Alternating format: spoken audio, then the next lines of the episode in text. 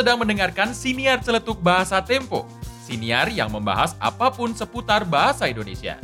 Siniar Celetuk Bahasa Tempo diasuh langsung oleh UU Sohardi, Koordinator Redaksi Bahasa Tempo 1998 hingga 2020. Dalam episode kali ini, kamu akan mendengarkan celetuk yang dipetik dari tulisan Bagja Hidayat. Judulnya, Kata-Kata Yang Memuai. Hmm, bagaimana suatu kata bisa memuai? Dengarkan selengkapnya hanya di episode ini.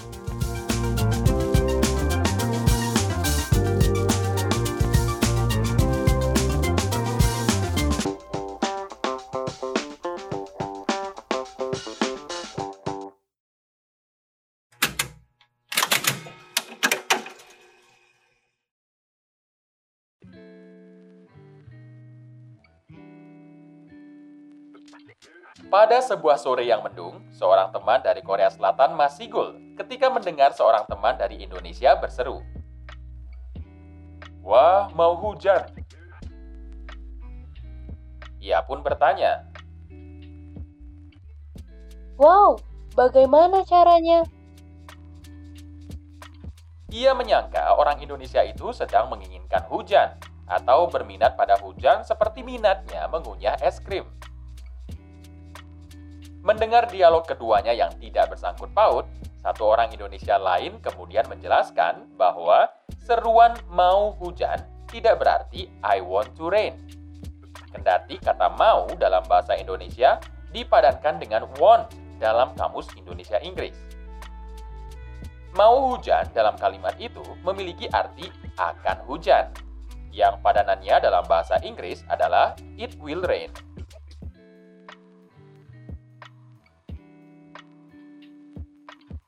Teman dari Korea Selatan ini menggeleng-gelengkan kepala setelah mendengar penjelasan itu. Susah sekali belajar bahasa ya. Ia sudah menetap di Jakarta selama lima tahun, tapi hanya memakai bahasa Indonesia untuk percakapan pendek dengan sopirnya, memesan kopi di restoran, atau bertanya arah jalan kepada satpam. Dia menghindari penggunaan kalimat panjang yang memiliki arti kompleks dan memilih memakai kalimat dalam bahasa Inggris agar tak terjadi kesalahpahaman dengan lawan bicaranya. Bahasa Indonesia berakar pada bahasa Melayu Riau. Bahasa ini tentu juga dituturkan oleh orang Jawa dan Sunda. Walau sesungguhnya mereka tak punya akar dan pertautan genetik dengan bahasa Melayu.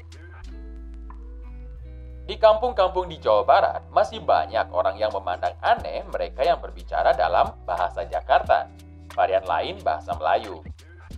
Di kalangan kelas menengah, bahkan tak jarang muncul cibiran jika mereka bertemu dengan orang yang memakai bahasa Indonesia yang baik dan benar dalam percakapan.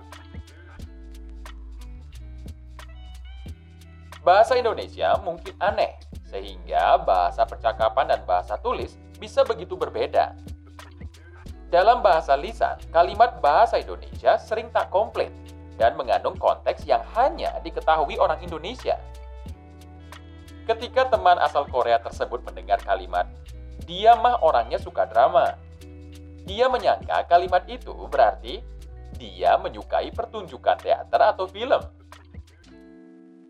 Arti kata drama dalam bahasa percakapan telah memuai dan menggelembung menampung arti lain yang tak dimiliki kata lain. Drama dalam kalimat dia mah orangnya suka drama berarti orang itu suka melebih-lebihkan situasi yang biasa saja menjadi dramatis. Entah karena pengaruh sinetron yang memang acap melebih-lebihkan peristiwa biasa saja, kata drama diterima dalam percakapan publik dengan arti sebagai orang yang gemar mendramatisasi keadaan.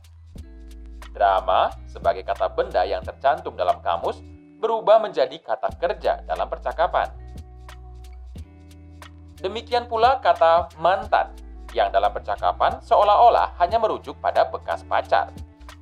Apalagi penyanyi Raisa memperkokoh prasangka dalam bahasa itu dengan lagunya yang sangat populer, Mantan Terindah.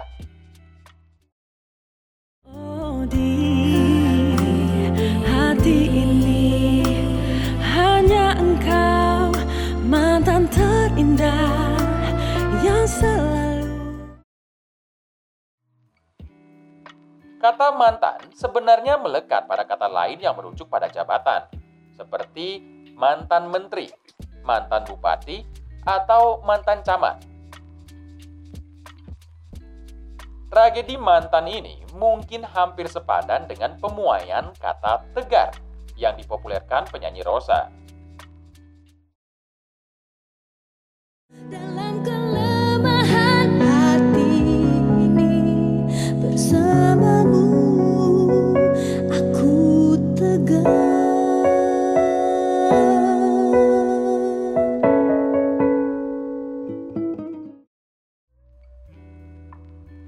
Kita simak syairnya, Rosa telah terseret memakai makna umum pada kata ini yang dipahami sebagai tabah atau sabar. Padahal arti sesungguhnya dari kata tegar adalah kaku, keras, kering, yang merujuk pada kaku yang kokoh dan diam seperti karang. Maka ada ungkapan setegar karang. Mungkin karena dalam bahasa Jawa, tegar itu diartikan tabah, pemahaman umum menjadi terseret pada arti itu. Ada yang mengatakan bahwa pemuaian hal biasa dalam bahasa.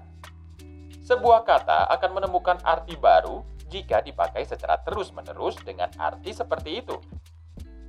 Mungkin benar, tapi kita akan segera kehilangan kata tegar yang berarti kaku dan keras. Karena kata ini punya arti baru untuk menyebut ketabahan. Apalagi kamu sudah menyerap pula arti baru dalam lema ini. Kerugian lain adalah makin banyak orang asing yang kesulitan mempelajari bahasa Indonesia karena tak ada patokan yang jelas. Orang asing di sini bukan hanya orang di luar Nusantara, melainkan kita semua. Karena orang Indonesia pun masih harus mempelajari bahasa Indonesia dengan bersusah payah dan sungguh-sungguh. Buktinya, para pejabat masih kisruh membedakan di sebagai kata depan dan di sebagai imbuhan. Juga tak kunjung bisa membedakan pemakaian mengubah dan merubah.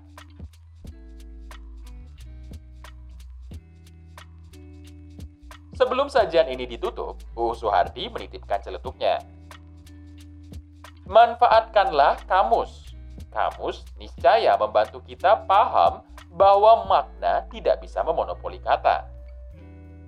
Kata mengenai, misalnya, bisa bermakna tentang, bisa pula menyentuh, atau kena pada. Sekadar contoh, coba perhatikan kata mengenai pada kalimat berikut. Aku hendak berbicara mengenai cinta. Panah asmaranya tepat mengenai hatiku.